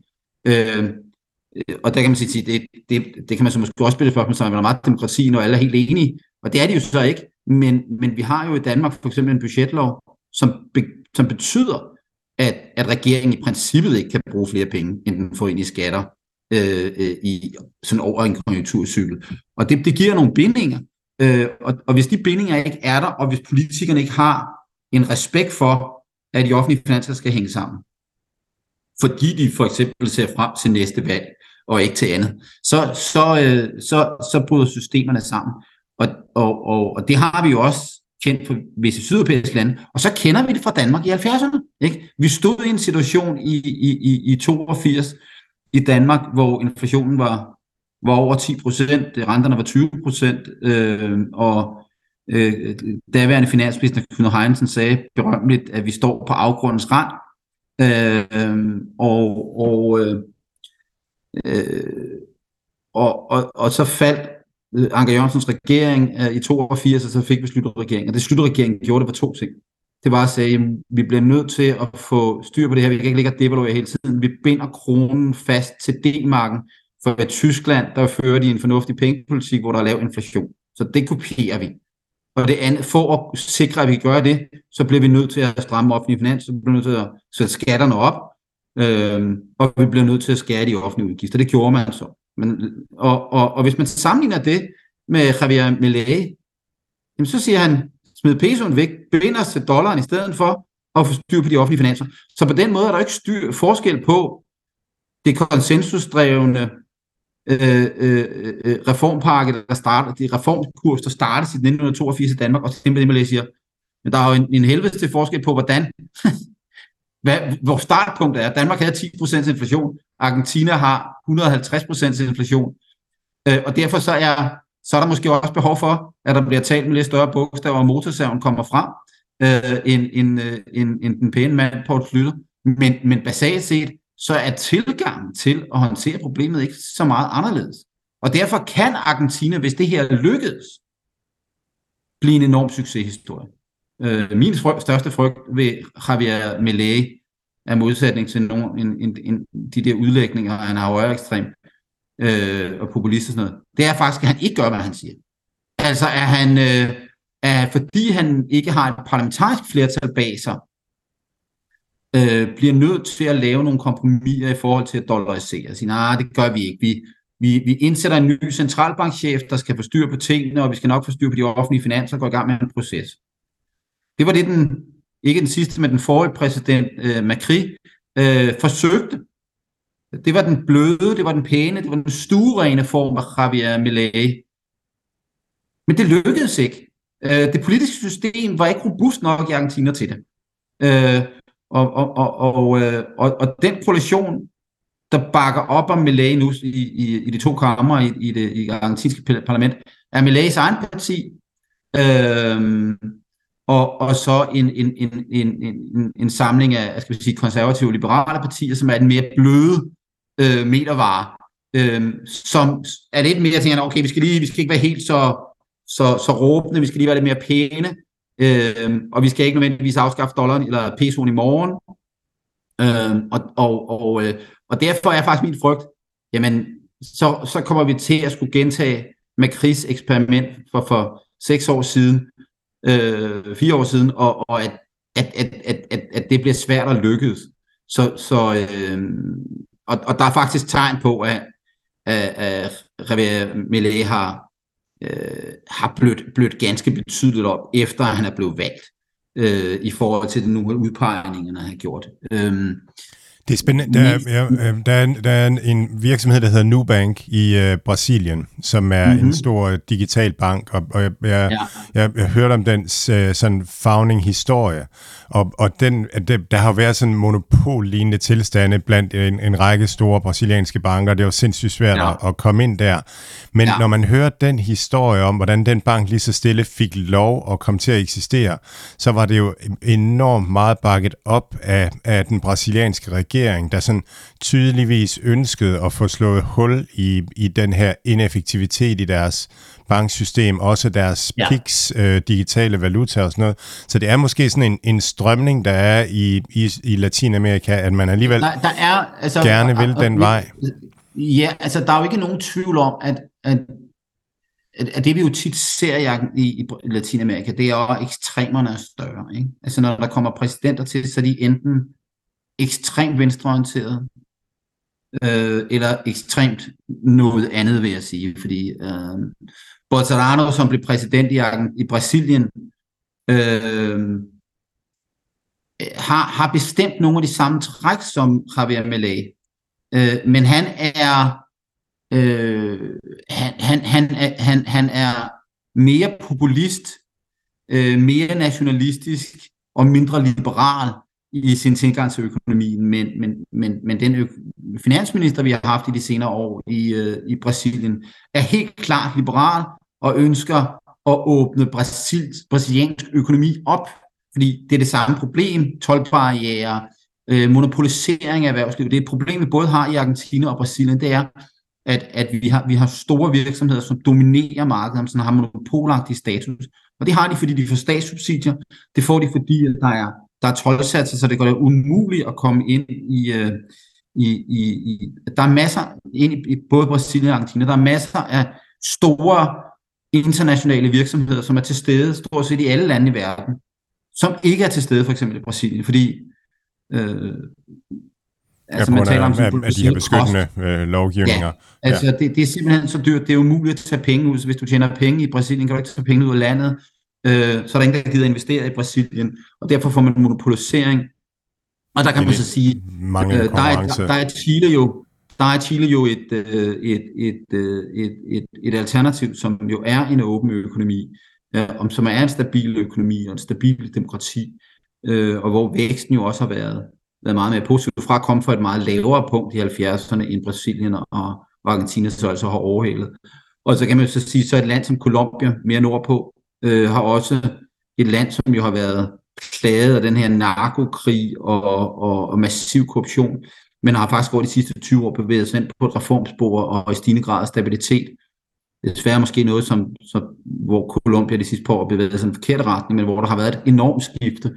Øh, Mexico, øh, allermest nordligt, øh, øh er, er, øh, er, er jo lidt det samme, hvor vi har hvor vi skiftet mellem reformer og så de her populister ind på højrefløjen eller på venstrefløjen, som kommer ind og ødelægger tingene. Øh, det der også gør sig gældende, det er en del af landet, der er afhængig af, af råstoffer. Øh, og, og en del af ustabiliteten kommer måske i virkeligheden fra det. Øh, fordi hvis, hvis politikere og andre interessenter kan så at sige røve råstofressourcerne, så er de ikke interesserede i at reformere økonomi. Når vi ser det i store dele af Afrika, vi ser det i Mellemøsten, at det er kampen råvarerne, der ødelægger de interne politiske systemer. Øhm, Lars, hvis jeg lige prøver, vi, vi prøver, hvis nu afbryder dig lige lidt, sorry, ja. men vi, vi sidder jo her i det her program og, og og primært snakker om, om investeringer og ja. hele vejen rundt og den her diversifikation i tingene og, og selvfølgelig er vores space det her tech, men, øh, men man skal heller ikke være, være blind som, som investor i forhold til de her regioner. Vi snakker også Indien, vi snakker Kina og sådan noget.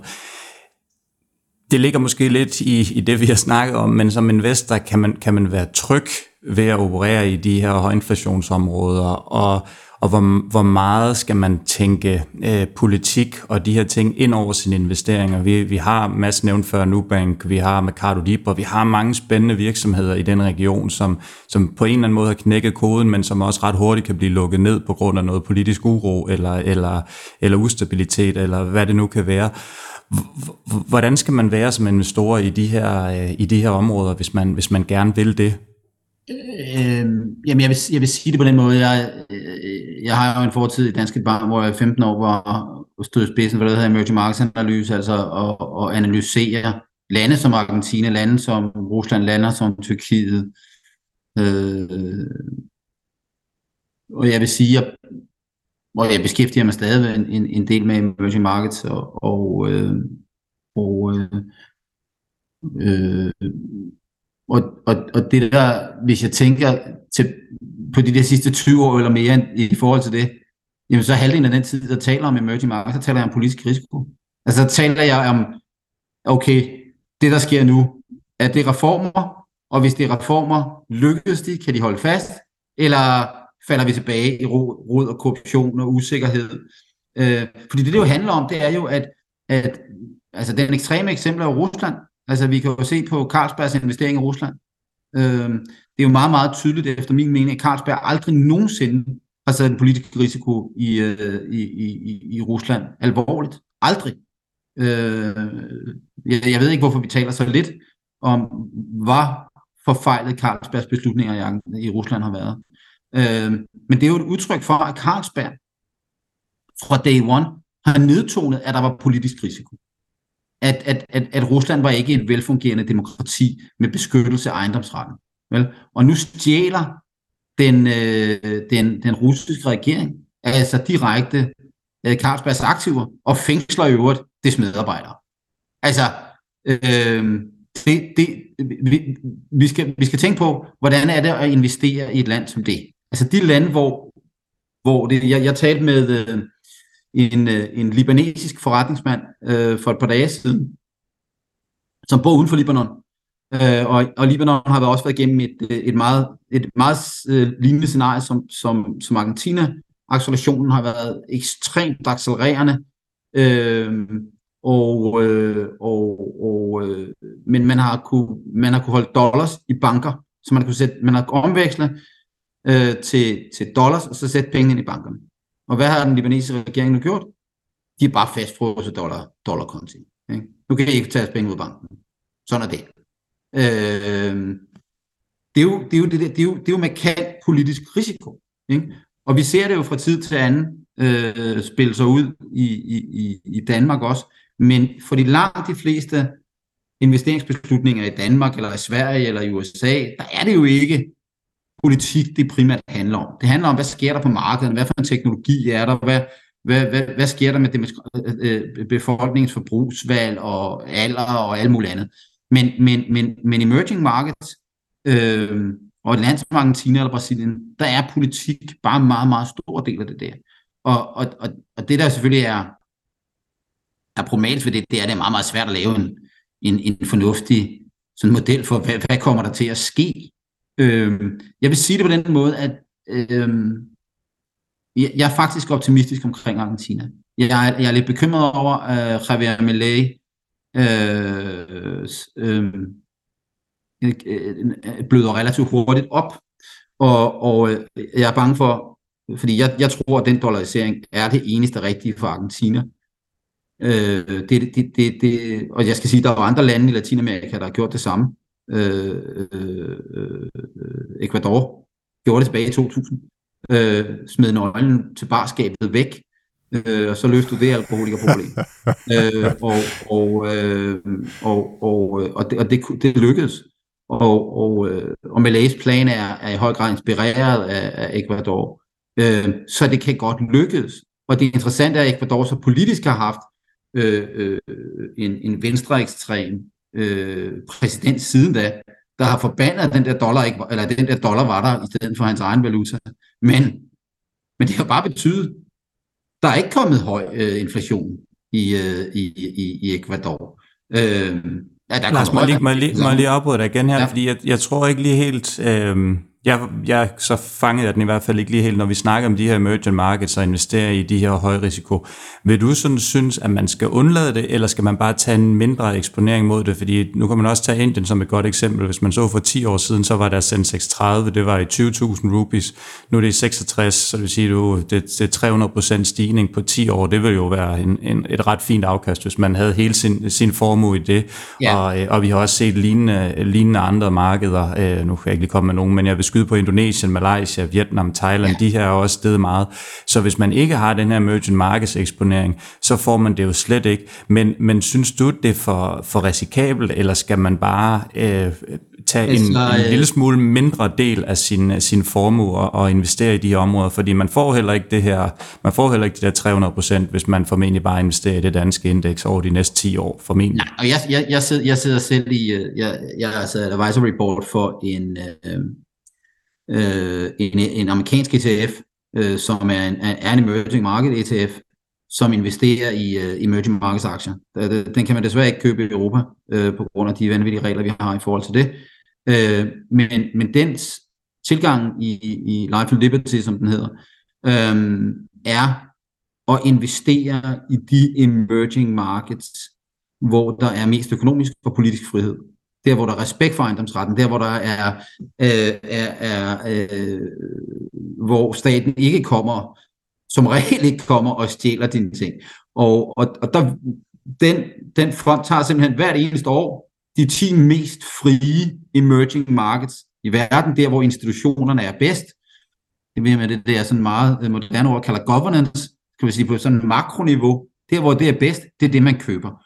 Og det er så lande som Polen, det er lande som Sydkorea, som så er altså kaldt emerging markets, som man kan diskutere. Det er Taiwan, det er Chile, øh, men det er ikke Tyrkiet, det er ikke Kina, det er slet det er ikke Argentina. Det er, det, og det er heller ikke Indien. jeg, tror, øh, jeg tror faktisk, Indien er med, øh, men, men øh, Nej, det er den faktisk ikke. Men, men, men, men, men, men, men, men man kan sige, hvis man nu tager, løfter det ind og så siger, jamen, hvad er det egentlig gerne, vi vil investere i? Jamen, så vil vi jo godt investere i de lande, der bevæger sig fra at være en basket case, til at være uregerlige, øh, øh, korrumperede, politisk inkompetente, tyvagtige, over til der, hvor man begynder at lave reform, øh, og hvor man bevæger sig i en retning, Altså, bare, lige, bare lige kort, Nigeria, øh, der, der begynder at flyde en masse vestlige investeringer ind i, øh, i Afrika igen, i, især i Nigeria hører jeg om. Øh, hvordan, hvordan, er, er, det, er det nogle nationer på vej, man skal holde øje med? Det er jo nogle kæmpe store nationer befolkningsmæssigt. Øh.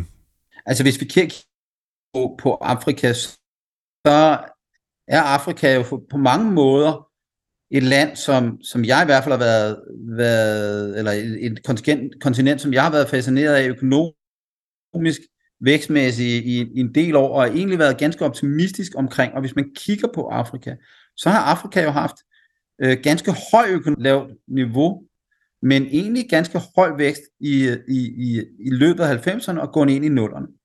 Øh, men de sidste 10-15 år har er Afrika stagneret igen.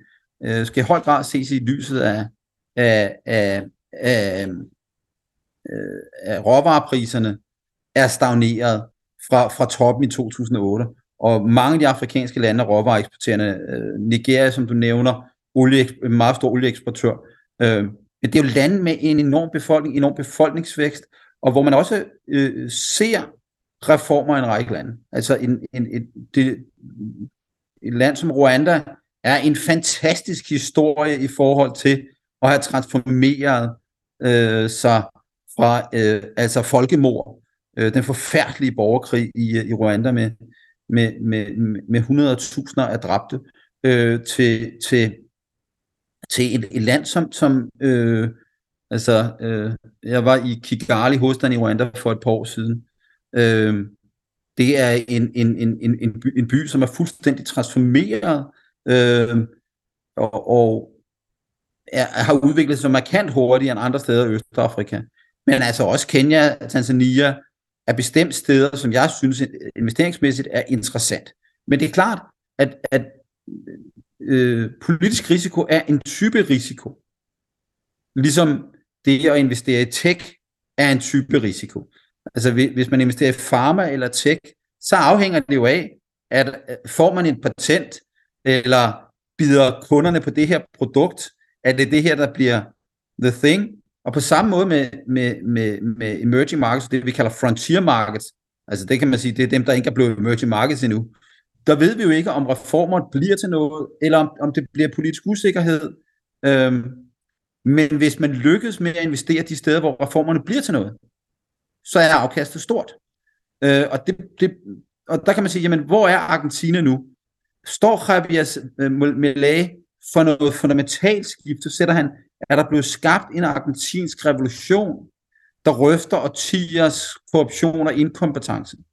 Jeg kender et, øh, et par af de økonomer, jeg kender faktisk øh, begge de økonomer, som, øh, som har skrevet den plan for dollarisering, som Millet har, har, har, har fremført. Øhm, øh, Emilio Campo og Emilio Campo og øh, Nicolas øh, Takanovski, som har skrevet en bog om, om, om dollarisering. Og det er ekstremt dygtige økonomer, øh, øh, og der er ekstremt mange dygtige folk, der kan komme ind og sætte sig i spidsen for den argentinske statsapparat og gennemføre de her reformer. Problemet er bare, at systemet i sig selv udviser så meget modstand. Men hvis reformerne, hvis det lykkes, hvis han får bidt sig fast, og hvis han holder fast i at køre motorsaven ind og få lave reformerne, øh, for åbnet argentinsk økonomi op, få stabiliseret valutaen eller få indført dollaren, så er der en enorm potentiale for vækst i Argentina. Fantastisk. Lars, det er, det er simpelthen fantastisk. Du er, øh, du er Babettes gavebod inden for, inden for økonomisk og politisk viden. Hold op, hvor har det været øh, sindssygt fedt, og, og, og du, har, du har svaret på, på, på de spørgsmål, vi havde omkring det, og, og rigtig, rigtig meget mere. Det, det har virkelig, virkelig været, været spændende. Hold op, hvor har jeg lært meget. Det er en fornøjelse at være sammen med jer. Ja, det er simpelthen så hyggeligt og godt. Så, ja. Jeg, jeg, jeg tænker, at næste gang, så gør vi det, så gør vi det der, hvor Mathias er lige nu, ikke? Ja, jo. øh, i, ja, ja, ja, ja vi, Mathias han viste lige billeder af, af, af udsigten øh, på marinaen i Dubai her, så når man sidder her i, i Danmark med minus 11 grader en morgen og, og prøver at vågne, så, så bliver man lidt misundelig. ja, men det har været en fornøjelse. Tusind tak, Lars, for din deltagelse. Vi skal over have ugens regnskaber med syv styks, for at være helt præcis. Vi, øh, vi starter med øh, Z-skaler. Ja, Zscaler Cybersecurity øh, virksomhed, øh, som, som var den første til at have det her rammeværk for, når, når vi skal øh, gå sikkert på nettet som virksomhed. Og det, det var rigtig nødvendigt, da, da corona kom, øh, kom frem. Øh, og øh, de vækster 40 procent øh, til øh, omsætningen til 497 millioner øh, og har et øh, operativt øh, frit cashflow på øh, 251 millioner. Så meget profitabel øh, virksomhed og meget høj vækst. Øh, den er øh, PE er 79 og øh, prisen for per, per, per frit cashflow er 29. Så det er meget til den dyre side. Øh, den langsigtede konklusion, det er, at, at de mangler netværksdelen af det, der hedder SASI. Øh, de mangler SD-WAN-delen. Og, øh, og og der har de ikke sådan en rigtig god øh, løsning øh, på det. Øh, men til gengæld så er de øh, first mover på, øh, øh, på, på, øh, på det her med som virksomhed at komme sikkert på, på nettet og holde, holde medarbejderne fri for phishing og sådan nogle ting. Så, øh, så de er godkendt øh, til blandt andet regeringer øh, og sådan nogle ting. Så, øh, så, så deres salg kører rigtig godt, øh, og de er etableret og sådan noget. Vi er usikre på langtidsholdbarheden af deres produkter, derfor så, så har vi faktisk ikke investeret i øh, Z-scaler. Men, men flot stigning på det her regnskab. Det må man sige, ja. De, de sparker virkelig uh, rumpet. Ja. ja. Og det er min fornemmelse, at uh, CrowdStrike også gør det, i hvert fald uh, kursmæssigt. Ja. Yes, øh, rekord øh, på alle måder. De vokser deres øh, ARR, som er Annual Recurring Revenue. Det er bare, det, altså den og når man er en abonnementsvirksomhed, så, øh, så det, det, det niveau, man er på nu med, med noget, som er tilbagevendende øh, omsætning, det er, øh, og den stiger med 35% til 3,15 milliarder. Øh, også et øh, rigtig solidt øh, operativt frit, frit cashflow, øh, 274 øh, millioner, og det er rekord. De har masser af cash. Øh, 3 milliarder i cash, og så har de 700 millioner i gæld.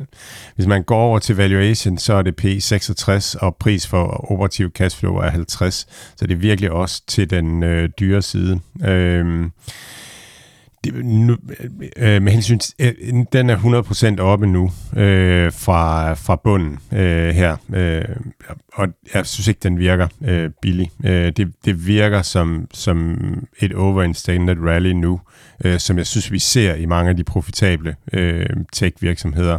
Så, øh, så billig er den ikke mere, og ja, øh, så, så vi holder vores position, men, men øger ikke i den.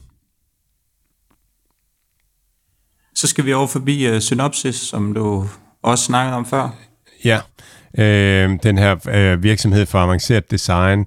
Der er tre virksomheder i verden, der, der ligesom leder det her marked. Det er Synopsys, så er det Cadence, og så er det øh, Siemens, øh, der ejer en, en virksomhed, som, som også kan det her. En ting, jeg ikke fik nævnt tidligere, det er udover electronic, electronic design automation, altså det her avanceret design, så har de også en masse IP, øh, og det udgør 32% af deres omsætning. Så de er faktisk større end ARM øh, i omsætning på, på, på IP, altså de, de ejer. Øh, det er meget sjovt. Øh, deres øh, vækst er 15%. Øh, og, og de guider også for en, en 13% vækst. Øh, omsætningen full year var 5,8 milliarder øh, dollars. Øh, PE 48, øh, så, så heller ikke billig. De, man forventer, at mikrochips kommer til at vokse med en 10% sådan over den lange bane, og øh, Electronic Design Automation vokser typisk en lille smule hurtigere, så man kan måske forvente 13% vækst i deres omsætning, så noget på den lange bane, øh, og så køber de aktier tilbage, øh, så måske kan man håbe på en 20% vækst i earnings per share øh, på den lange bane, og det er det, man ser ind i, og det betaler man P på, på 48 for, men hold fast, hvor er det bare nogle virksomheder, der, der ligger godt øh, i det. De er, de er dyre, så det er ikke noget, man skal, man skal købe en masse af, men, men øh, det er også rart at have en position, fordi det er virkelig nogle, nogle fremtidens virksomheder. Så, så vores strategi er at have en, en lille position, og så håber vi rigtig meget, at det falder øh, på et eller andet tidspunkt øh, igen. Ja, så øh, skal vi forbi Snowflake. Ja, Øh, Snowflake er virkelig altid spændende at høre øh, Frank Sluthman. Han er sådan en, en fantastisk karakter og, og kommer med de her punchlines. Øh, og han, øhm, øh, han, han sagde øh, her, han sagde, there is no, no AI strategy without a data strategy. Øhm, og så taler han rigtig meget ustruktureret data. Og, og, øh, og Snowflake er jo den her platform, hvor man som virksomhed, man tager bare dumper sit data øh, på den, øh, og, så, øh, og så har Snowflake-teknologien til ligesom at gøre, at det er muligt at søge i den data og bruge den data, selvom at det, man ikke sådan klassificerer den og sætter den i kasser og, øh, og sådan nogle ting. Så det er sådan en, en infrastrukturaktie, som, som gør det billigere og nemmere at trække værdi ud af ens øh, data. Øhm, og så har de den, alt det her data liggende, og så bygger de simpelthen en masse værktøjer øh, til virksomheder til at, at bruge den her data, og gøre det muligt for virksomheder at dele data. Så hvis man nu er en en værdikæde, der handler om lad os, mikrochips, eller hvad det nu kan være, så en kæmpe fordel, hvis alle i værdikæden, de deler data, sådan at man kan undgå, at der kommer, kommer klods og, og oversupply eller undersupply, eller sådan at, at værdikæderne bliver mere stabiliseret. Det vil virkelig, virkelig hjælpe øh, virksomheder øh, og, og, og, og verdensøkonomien generelt øh, at, at vi gør det. meget, noget af den her inflation, vi har haft, det er jo på grund af, af, af, af underforsyning og overforsyning. At, at når der er underforsyning, så stiger priserne helt vildt meget, og, øh, og så lige pludselig, når der er overforsyning, så falder priserne. Og det er, så, så der skaber de rigtig, rigtig meget værdi.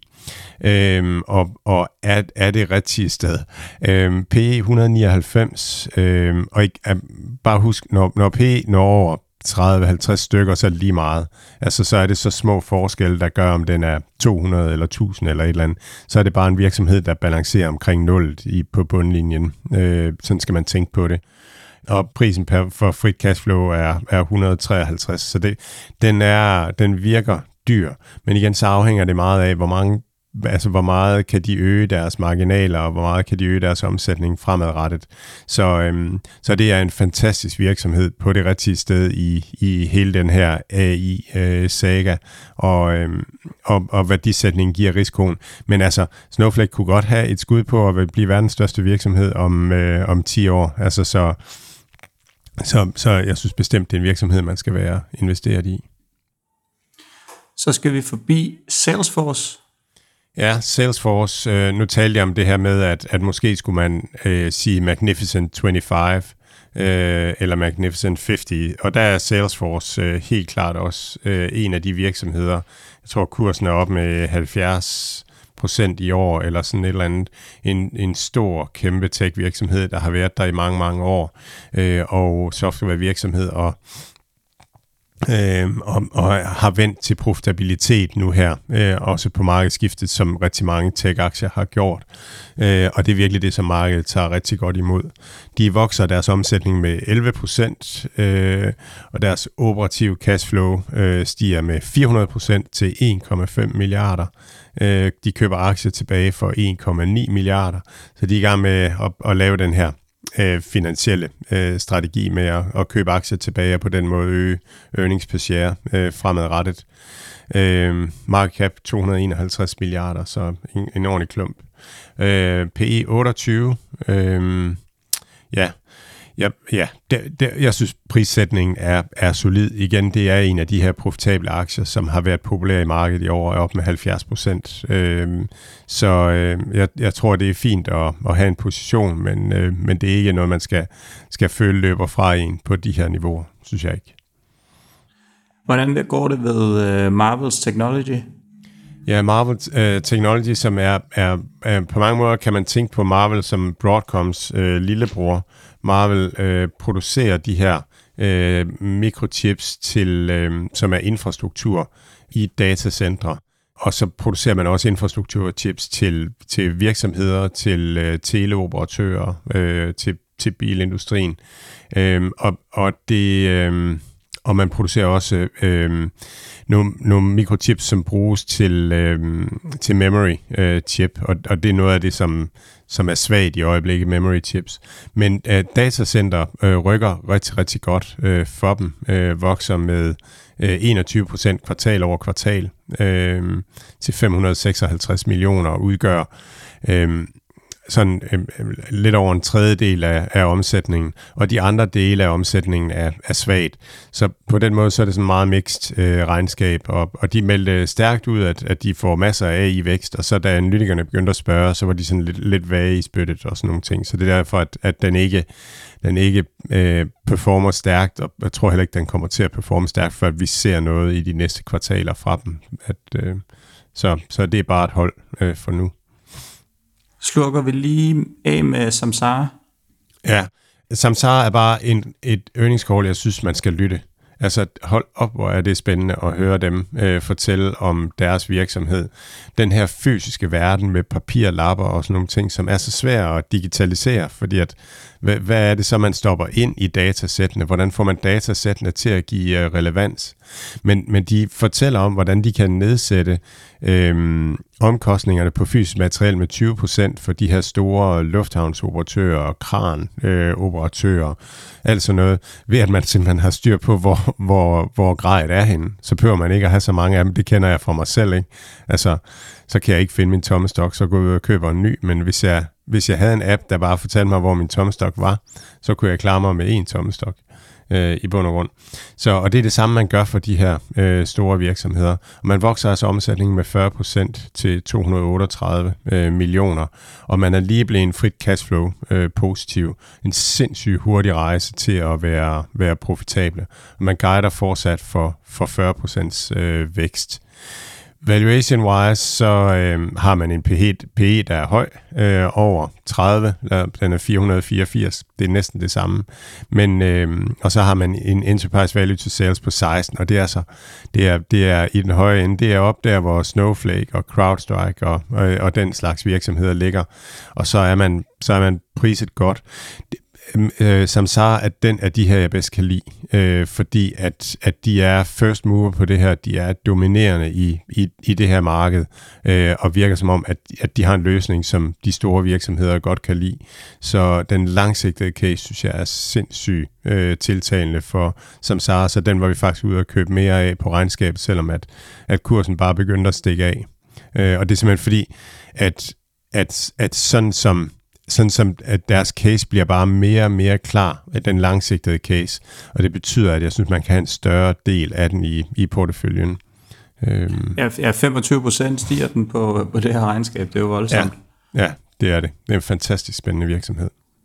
Og der er også gode nyheder til at opstarte aktionærerne. Den steg også 20% i går. Jeg kunne ikke rigtig lige finde noget sådan specifikt nyt fra det. Måske de her faldende ja, renter, hvor det var, det, øh, det var, øh, det var deres, de har sådan et opstart indeks, øh, som siger noget om, om makro. Og det, det, det er bare blevet værre og værre, og det indeks gør, at så, så lader de være med at låne ud. Øh, og det er sådan vejledende for, for makro. Og nu er det indeks faktisk begyndt at falde øh, jeg tror det hedder UMI, øh, og det er sådan et, de bruger deres AI til at, at prøve at lave en forecast af, hvordan, hvordan er låneforholdene, og når det falder, så tyder det på, at, at låneforholdene begynder at blive bedre, og, og opstart er altså en potentiel raket af den anden verden, når det er sådan, at, at låne, låneforholdene går den anden vej, så det var derfor, at, at, at den, lige, den lige stak af. Spændende. En, øh, en lang rundtur på markedet den her uge med, øh, med Lars også. Og øhm, kom, er vi kommet i mål med regnskaberne, med altså noget ja, tilbage næste uge? det er vi. Ja. ja. ja. Det jeg tror vi er ved at være, vi er ved at være ved enden. Jeg, kig, jeg har faktisk ja. ikke lige kigget, hvad der er i næste uge. Jeg sad bare og tænkte på, at folk de må have ømme ben nu, hvis de har løbet hele, hele podcasten. ja, det, det, det, det, det, skal, det skal vi undskylde i hvert fald. Men øh, vi kan så som plads på såret ønske rigtig god weekend til lytterne derude, og vi er naturligvis igen øh, tilbage igen i næste uge.